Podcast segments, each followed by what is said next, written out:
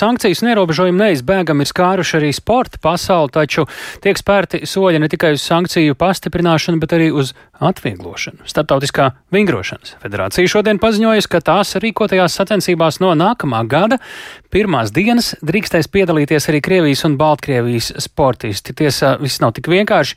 Krievi un Baltkrievi varēs startēt tikai zem neitrālā karoga, kā arī vingrotāji no šīm agresoru valstīm varēs startēt sacensībās vien tad, ja neuzturēs nekādu saikni saikni ar Krieviju vai Baltkrieviju. Tik tālu par šīs federācijas rīkotajām sacensībām, bet par uh, Krievijas un Baltkrievijas vingrotāju un arī citu sportistu dalību Parīzes Olimpiskajās spēlēs, kas ir lielākais starptautiskais sporta notikums. Par to vēl tikai būs jālēmj Starptautiskajai Olimpiskajai komitejai. Vairāk par situāciju šobrīd Olimpiskajos sporta veidos, kuras federācijas jau ir atļāvušas Krieviem un Baltkrieviem atgriezties sacensībās, kuras vēl svārstās. To izstāstīs kolēģis Mārtiņš Kļavnieks. Viņš pievienojas mums studijās. Sveiks, Mārtiņ!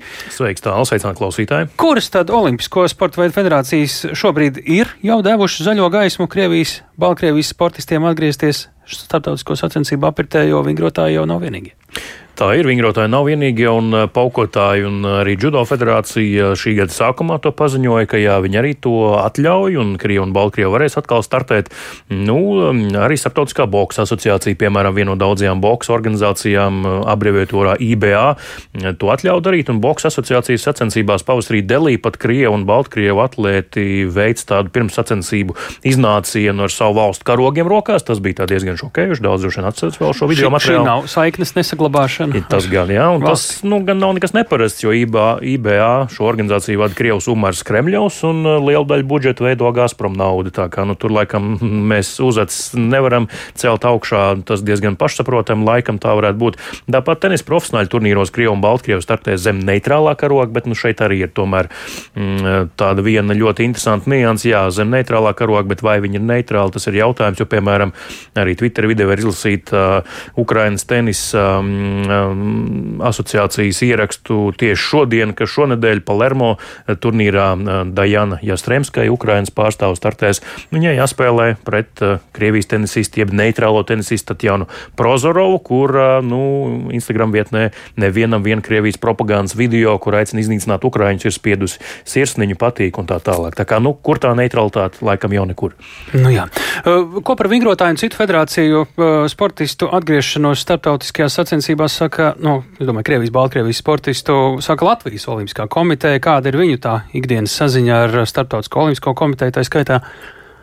Jā, nu es mēģināju iegūt arī Latvijas Olimpiskās komitejas viedokli visjaunāko tieši šodien, bet nu, viņiem šodien vienos bija izpildu komitejas jaunā sastāvā pirmā sēde. Mm. Tā pavisam nesen noslēgusies, tā kā pēc uh, raidījuma pēcpusdienu ceru mm, sazvanīt uh, Olimpiskās komitejas ģenerālsekretāru Kārlu Leineku. Iepriekš tā saziņa bija pietiekami blīva, vismaz vēl Žorža Tikmera prezidentūras laikā vai pārdienas viņi sazinājās ar, ar Starptautisko olimpisko komiteju, bet nu, tā nostāja jau joprojām nav mainījusies. Ir jauns prezidents, bet arī Jānis Buks, kurš tagad vada Latvijas Olimpisko Olimpisko komiteja arī sakās, ka, nu, ja Parīzē būs Krievija vai Baltkrievija, jebkādā statusā, tad latviešu tur nebūs.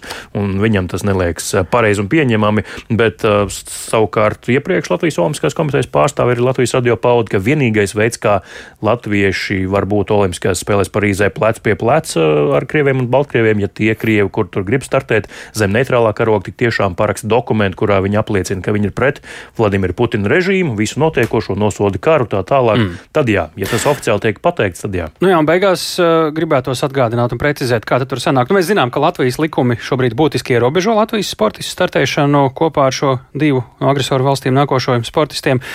Kā tur sanāk, ja viņi, kā Formulē Vingrošanas federācija, šie Krievijas, Baltkrievijas sportisti neuztur nekādu saikni ar valstīm, varbūt pat kaut ko ir parakstījuši, tur Latvijas sportistiem ir vai nav šķēršļi startēt, jo kā tur īsti sanāk šobrīd? Nu, teorētiski nav, jo arī pēc sporta likuma grozījumiem pagājušajā gadā arī Krievijā un Baltkrievijā piedalīties sacensībās un startēt, tas jau nav aizliegts. Latvijas valsts to nav aizliegusi, bet nu, tāpēc tam tu nevar pārstāvēt valsts izlasi un piedalīties, piemēram, Olimpiskajās spēlēs zem Latvijas karoga, ja tu to izdarīsi.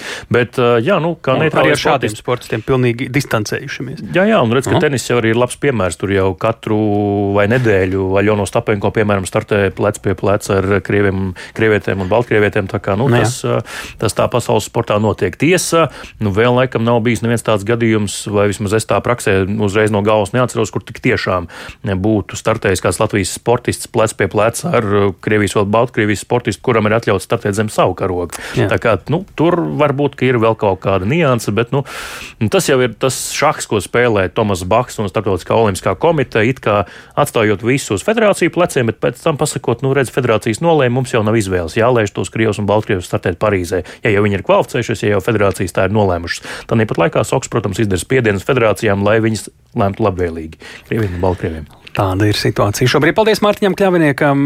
Tātad šodien Startautiskā vingrošanas federācija ir pateikusi, ka varēs Krievijas, Baltkrievijas sportisti tiesa ar lieliem ierobežojumiem startēt starptautiskajās sacensībās viņu rīkotajās.